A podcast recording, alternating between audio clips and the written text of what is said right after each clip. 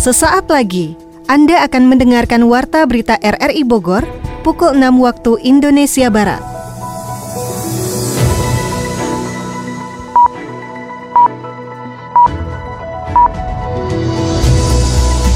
Selamat pagi, salam jumpa. Kami kembali hadir dalam Warta Berita Pagi ini, edisi Senin 20 September 2021. Siaran ini dapat Anda dengarkan melalui audio streaming RRI Playgo pada perangkat Android Anda, serta pula dapat didengarkan kembali melalui podcast kami di Spotify, Anchor, Potail, dan Google Podcast. Warta Berita RRI Bogor ini juga turut disiarkan Radio Tegar Beriman Kabupaten Bogor. Berikut kami sampaikan berita utama.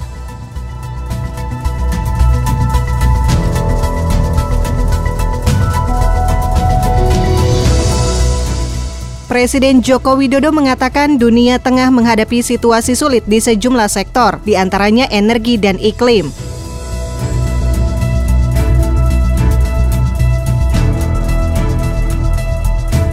DPRD Kota Bogor sayangkan ambruknya atap bangunan salah satu kelas di SD Negeri Otista Kota Bogor sebelum turunnya dana perawatan. Sudah dialokasikan untuk perbaikan ruang kelas tersebut gitu. Namun sayangnya itu tadi karena memang kondisinya yang sudah rusak cukup parah. Kejar target capaian vaksinasi, pemerintah Kabupaten Sukabumi kerahkan seluruh perangkat daerah untuk memobilisasi masyarakat divaksin. Imuniti Kabupaten Sukabumi masih rendah dan itu akan terganggu masyarakat yang sehat. Bersama saya Marisa, inilah Warta Berita RRI Bogor selengkapnya.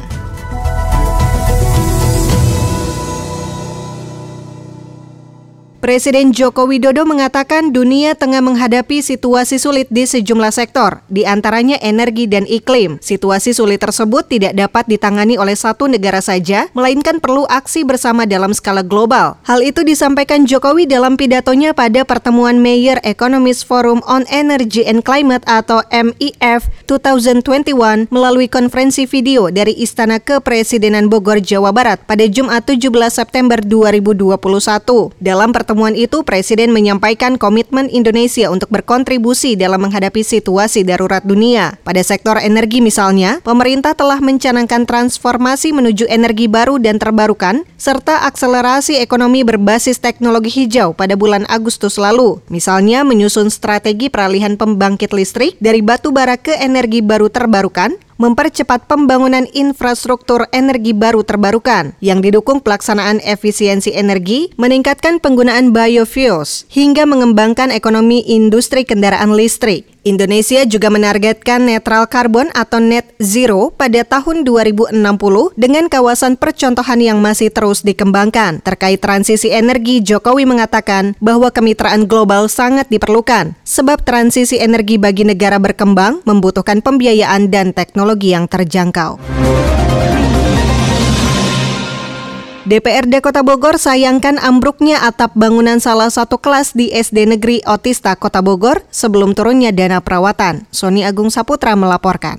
Ambruknya atap bangunan salah satu kelas di SD Negeri Otista Kota Bogor menjadi perhatian DPRD Kota Bogor. Ketua Komisi 4 DPRD Kota Bogor Mohan mengungkapkan rasa kecewanya karena seharusnya ruangan SD Negeri Otista itu akan mendapat biaya perawatan pada tahun 2022. Namun sebelum waktunya ternyata sudah ambruk. Jadi pada saat rapat anggaran uh, sudah dialokasikan untuk perbaikan ruang kelas tersebut gitu. Namun sayangnya itu tadi karena memang kondisinya yang sudah rusak cukup parah, maka ya saat ini terjadi musibah yang tidak kita inginkan. Sementara itu Ketua DPRD Kota Bogor Atang Trisnanto juga menyampaikan rasa penyesalannya karena adanya bangunan sekolah yang ambruk. Selanjutnya pimpinan dewan akan melakukan koordinasi dengan Muspida Kota Bogor untuk melakukan penelusuran semua sekolah sekolah dasar di Kota Bogor yang rawan ambruk saat tidak adanya pembelajaran tatap muka di masa pandemi ini. Dewan akan melaksanakan tugas pengawasan untuk memastikan agar Dinas Pendidikan bisa mengaudit dengan tenaga profesional melihat situasi dan kondisi masing-masing sekolah untuk kemudian dipastikan bahwa keamanan bangunan itu bisa terpenuhi. Dinas Pendidikan Kota Bogor juga diharapkan segera mendata kembali kesiapan sekolah karena dalam waktu dekat ini Pemkot Bogor akan memperlakukan pembelajaran tatap muka. Kejar target capaian vaksinasi, pemerintah Kabupaten Sukabumi kerahkan seluruh perangkat daerah untuk memobilisasi masyarakat divaksin. Adi Fajar melaporkan. Pemerintah Kabupaten Sukabumi terus mempercepat vaksinasi untuk merealisasikan ketercapaian 50% masyarakat divaksin. Bupati Sukabumi Marwan Hamami menjelaskan, untuk mengejar target itu pihaknya mengerahkan seluruh perangkat daerah hingga ke wilayah pelosok agar memobilisasi warga untuk divaksin, termasuk juga menerapkan beberapa skema vaksinasi baik terpusat maupun jemput bola ke warga. Kondisi yang dicapai oleh Kabupaten Sukabumi hari ini adalah optimal, jadi kita dorong semua perangkat daerah ini untuk bisa membantu mobilisasi dari masyarakat, terutama para usia-usia yang lanjut manula ya, karena kendalanya biasanya juga jarak tempuh, kemudian transportasi yang harus dilakukan, sehingga kita meminta bantuan dari pramuka, dari perangkat mobil operasional untuk disiagakan menjemput. Untuk khusus manula, tapi harus tercatat dulu di mana manulanya. Menurut Bupati Marwan, ketersediaan vaksin yang ada di Kabupaten Sukabumi dinilai mampu memenuhi ketercapaian 50% target vaksin. Vaksin tersebut telah tersebar di seluruh puskesmas yang berada di 47 kecamatan. Marwan optimis dengan pelayanan vaksin setiap harinya, target herd immunity dapat segera tercapai. Mudah-mudahan ini dengan serentak mobilisasi walaupun memang di Sabtu Minggu kita harus optimal bekerja daripada nanti herd immunity Kabupaten Sukabumi masih rendah dan itu akan terganggu masyarakat yang sehat terganggu oleh yang. Saat ini Kabupaten Sukabumi baru menyentuh capaian vaksinasi sekitar 20 persen. Hal itu membuat Pemkap Sukabumi harus bekerja keras mendorong masyarakatnya untuk segera divaksin dalam rangka menciptakan kekebalan komunal dalam memerangi pandemi COVID-19. Dek, tolong ibu beliin beras ke warung ya. Iya bu, bentar lagi tanggung main game ini. Dek, tolong bantu bapak angkat pindahkan lemari, dek. Iya iya, bentar pak, lagi bikin konten video dulu. Dek, makan dulu ini. Baksonya udah dibeliin juga. Cepet makan. Sabar kenapa kak? Ade lagi chattingan dulu sama teman. Wah, netizen lagi rame nih. Komen di IG-nya si selebgram. Ikutan ah. Woi, kalau nyebrang jangan lihat HP dong. Untung nggak ketabrak. So- sorry bang, sorry bang. Menggunakan gadget bisa menjadi hal yang menyenangkan. Namun, jangan sampai gadget menyita waktu dan perhatian terhadap lingkungan sekitar. Apalagi sampai mencelakakan diri kita. Puluhan santri Salafi korban kebakaran pondok pesantren di Kampung Babakan Desa Kertajaya, Kecamatan Rumpin Bogor, masih belum dapat melanjutkan aktivitasnya. Pasca terjadinya musibah kebakaran yang menghanguskan seluruh bangunan pondok pesantren itu pun, guru ngaji, Ustadz dan Kiai pondok pesantren tersebut memperbanyak berkhidmat langsung di masyarakat. Sementara majelis taklim yang luput dari amukan api dijadikan tempat istirahat para santri hingga bangunan kamar pondok mereka diperbaiki. Pimpinan pondok pesantren Salafi Rumpin, Ustadz Haji Jurjani mengatakan semua pakaian dan alat ibadah santri hangus terbakar api. Sambil menunggu bantuan dari para donatur untuk membangun kembali pondok pesantrennya, para santri sangat membutuhkan bantuan berupa baju dan alat sholat. kurang lebih 100 selain bangunan terutama ya kita bisa anak santri pakai anak santri pokoknya semuanya habisnya nggak ada yang ketolongin. Ya alat-alat masak kan semuanya habis gitu semuanya habis ya. Saat ini ya kalau memang ada yang sita pisan gitu ya kitab ya. Kitab-kitab ya seperti itu. Ya pakaian juga memang dibutuhkan gitu, dibutuhkan karena semuanya anak santri paling pakai yang, yang di badannya aja gitu. Ada di di sini di majelis dia ditunda dulu sementara. Soalnya kan masih ya banyak tamu juga gitu kan yang nengok nanti datang ke Santri yang belajar di pondok pesantren tersebut berjumlah 100 orang, yang sebagian besar adalah warga desa Kertajaya. Semua kitab dan buku agama yang biasa dipergunakan untuk mengaji kitab fikih, syariat, dan muamalah ludes terbakar api. Bantuan pun berdatangan, namun belum dapat merenovasi pondok tersebut. Masyarakat dari Kota Bogor dan Kabupaten Bogor kami selalu menggelar aksi bebersih Sungai Ciliwung yang melintasi wilayah mereka. Sony Agung Saputra melaporkan. Aksi bebersih Sungai Ciliwung berlangsung di seluruh bantaran sungai di kawasan kota dan Kabupaten Bogor Kamis 16 September lalu. Koordinator petugas jaga Bendung Katulampa Sungai Ciliwung Andi Sudirman menjelaskan, selama musim kemarau debit tinggi muka air TMA Bendung Katulampa memang sering berada pada level 0 cm. Kondisi ini memungkinkan untuk melakukan kegiatan membersihkan sungai dengan menelusuri aliran sungai, mulai dari Bendung Katulampa hingga ke kawasan perbatasan kota Kabupaten Bogor. Kegiatan opsi bersih-bersih Sungai Ciliwung 2021 di Kota Bogor. Kebetulan kita di Bogor Timur, koordinasi dengan DLH, Pemda Kota Bogor, Kecamatan Bogor Timur, Kelurahan Katulampa, Barang Siang, dan seluruh LPM, DLH, BBBD, dinas terkait dengan UPTD Ciliwung Cisada, Dinas SDA Jawa Barat, dan uh, tim Satpol Ciliwung, Bendung Katulampa. Intinya kita peduli kepada kebersihan sungai, kebersihan sumber daya air.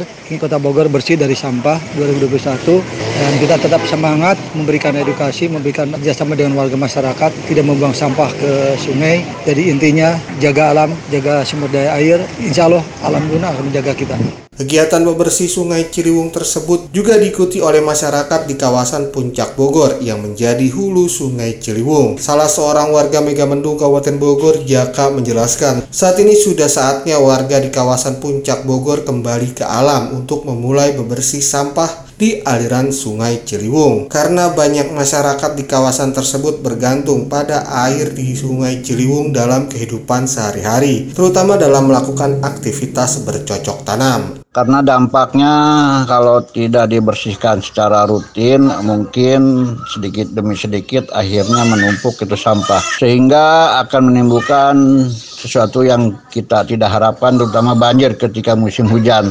Intinya mah antisipasi menghadapi musim hujan karena saat ini curah hujan cukup mengkhawatirkan ya. Sampah-sampah yang terkumpul dalam aksi tersebut langsung dikumpulkan untuk selanjutnya dibuang ke tempat pembuangan akhir sampah TPA Galuga agar tidak mencemari sungai. Sementara itu komunitas Ciliwung juga berharap masyarakat yang berada di seluruh bantaran sungai menjaga kelestarian alam untuk bisa menjaga suasana bersih dan asri sebagai sumber kehidupan.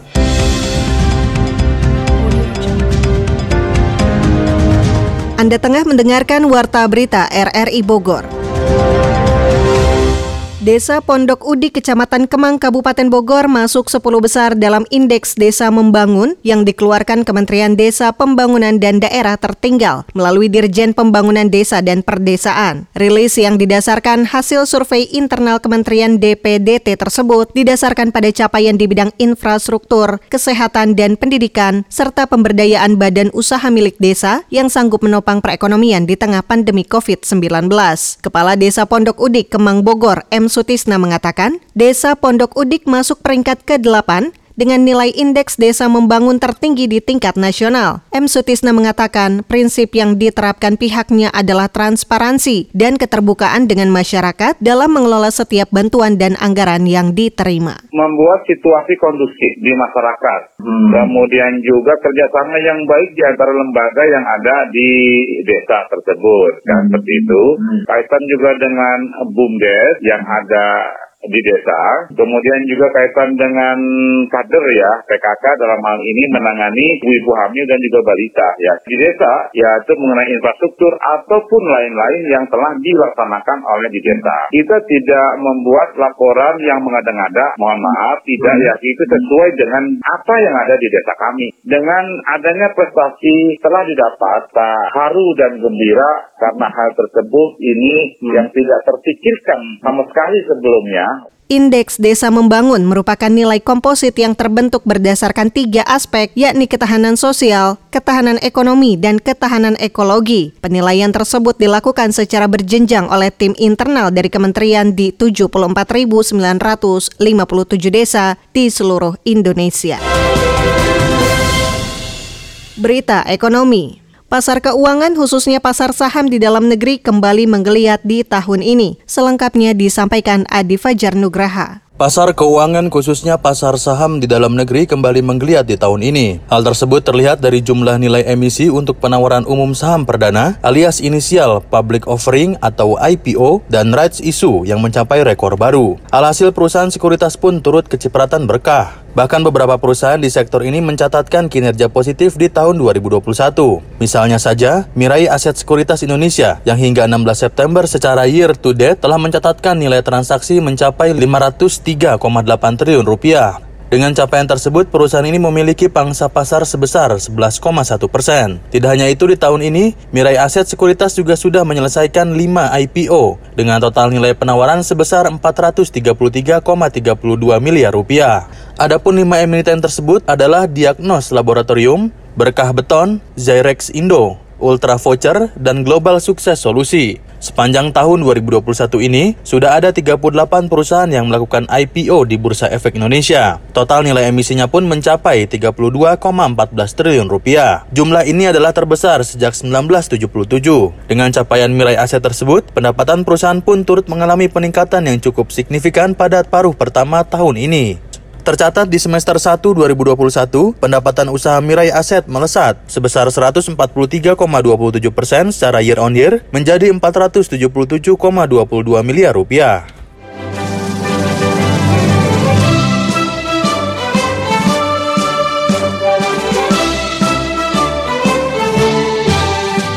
Assalamualaikum warahmatullahi wabarakatuh. Saya Atep Budiman, Kepala Dinas Pariwisata dan Kebudayaan Kota Bogor. Pada kesempatan ini mengucapkan selamat ulang tahun yang ke-76 untuk RRI. Di usianya semakin mapan, semoga RRI selalu profesional, selalu jaya dan menjadi media komunikasi dan informasi bagi masyarakat, terutama dalam mendukung penanganan pandemi di Kota Bogor. Dirgahayu RRI, sekali di udara, tetap di udara. Assalamualaikum warahmatullahi wabarakatuh.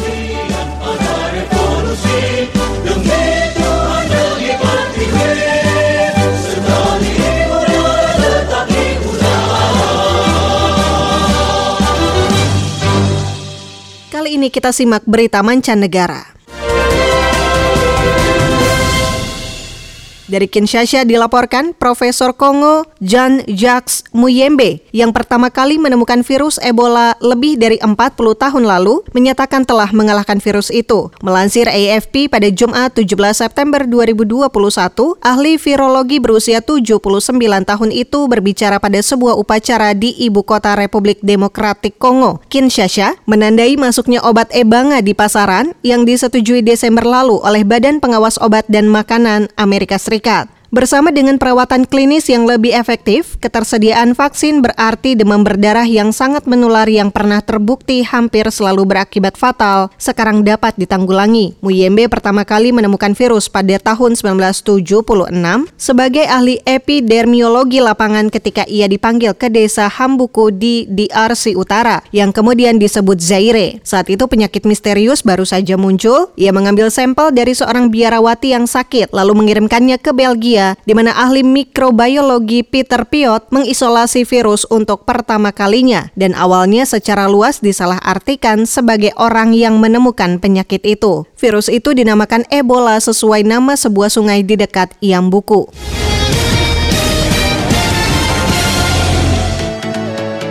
Berita olahraga Persib Bandung gagal memenuhi target kemenangan saat berjumpa Bali United pada laga pekan ketiga Liga 1 2021-2022. Sementara itu, tim futsal putri Kabupaten Bogor mengagendakan 10 laga uji coba dengan tim-tim futsal yang ada di Jawa Barat maupun di luar Jawa Barat. Selengkapnya disampaikan Ermelinda. Persib Bandung gagal memenuhi target kemenangan pada saat berjumpa Bali United pada laga pekan ketiga Liga 1 2021-2022. Pertandingan Bali United versus Persib yang digelar di Stadion Milk Arena Tangerang pada pekan kemarin berakhir dengan skor imbang 2-2. Dua gol Bali United masing-masing dibukukan oleh Liza Spasojevic di menit ke-7 dan Yabes Roni di menit ke-56. Adapun gol Persib dicetak melalui Beckham Putra Nugraha pada menit ke-36 dan ke-46. Kapten Persib Supardi Nasir kecewa dengan hasil imbang melawan Bali United. Supardi mengakui pemain Persib seperti kehilangan motivasi untuk menang. Padahal situasinya Persib diuntungkan dengan kelebihan jumlah pemain di lapangan. Bali United harus bermain dengan 10 pemain sejak pertengahan babak pertama setelah Leonard Tupamahu diganjar kartu merah karena melanggar Febri Haryadi. Persib sejatinya mampu memanfaatkan keunggulan jumlah pemain mereka atas Bali United sebab Pangeran Biru yang sempat tertinggal mampu menyamakan kedudukan dan berbalik unggul 2-1 pada awal babak kedua. Namun kelengahan membuat Persib gagal meraih poin penuh. Bali United bisa mencuri gol pada menit ke-56 lewat Yabes Roni dan memaksa pertandingan berakhir dengan skor 2-2. Meski begitu Supardi enggan larut dalam kekecewaan. Menurutnya hasil laga melawan Bali United tersebut menjadi pelajaran berharga bagi Persib dalam menatap laga selanjutnya di Liga 1 2021. Mantan pemain Pelita Jaya tersebut berharap Persib akan lebih baik lagi ke depannya. Dengan hasil imbang tersebut, rekor tidak pernah menang Persib atas Bali United pun berlanjut. Selain itu, Maung Bandung juga harus puas menempati posisi ketiga di klasmen Liga 1 2021-2022 dengan 7 poin. Dalam jadwal Liga 1 2021 pekan berikutnya, Persib akan berhadapan dengan Borneo FC. Duel Persib versus Borneo FC akan berlangsung pada Kamis 23 September 2021.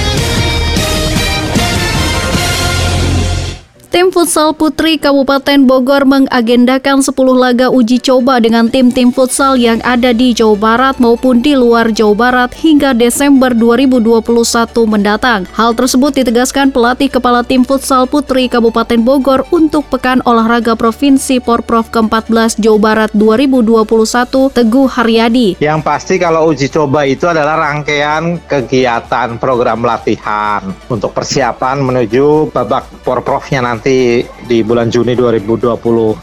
Kita uji coba eh, merencanakan uji coba lokal dengan tim-tim Kabupaten Bogor, kemudian ada juga uji coba dengan tim antar kabupaten.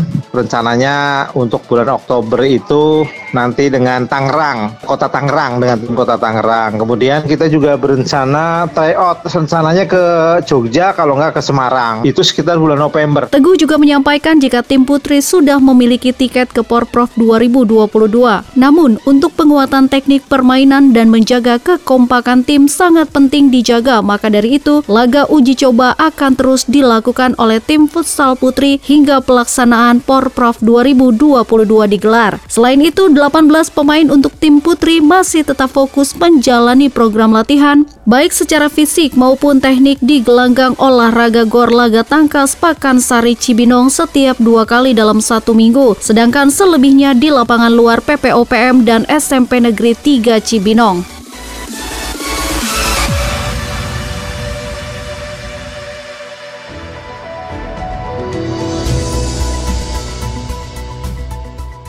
Demikian informasi yang dapat kami sampaikan dan berikut kami sampaikan berita utama hari ini. Presiden Joko Widodo mengatakan dunia tengah menghadapi situasi sulit di sejumlah sektor di antaranya energi dan iklim. DPRD Kota Bogor sayangkan ambruknya atap bangunan salah satu kelas di SD Negeri Otista Kota Bogor sebelum turunnya dana perawatan. Kejar target capaian vaksinasi, pemerintah Kabupaten Sukabumi kerahkan seluruh perangkat daerah untuk memobilisasi masyarakat divaksin. Saudara siaran kami dapat Anda dengarkan kembali melalui podcast kami di Spotify, Anchor, Potel, dan Google Podcast. Mewakili kerabat kerja yang bertugas hari ini, saya Marisa mengucapkan terima kasih atas kebersamaan Anda. Selamat pagi, selamat beraktivitas.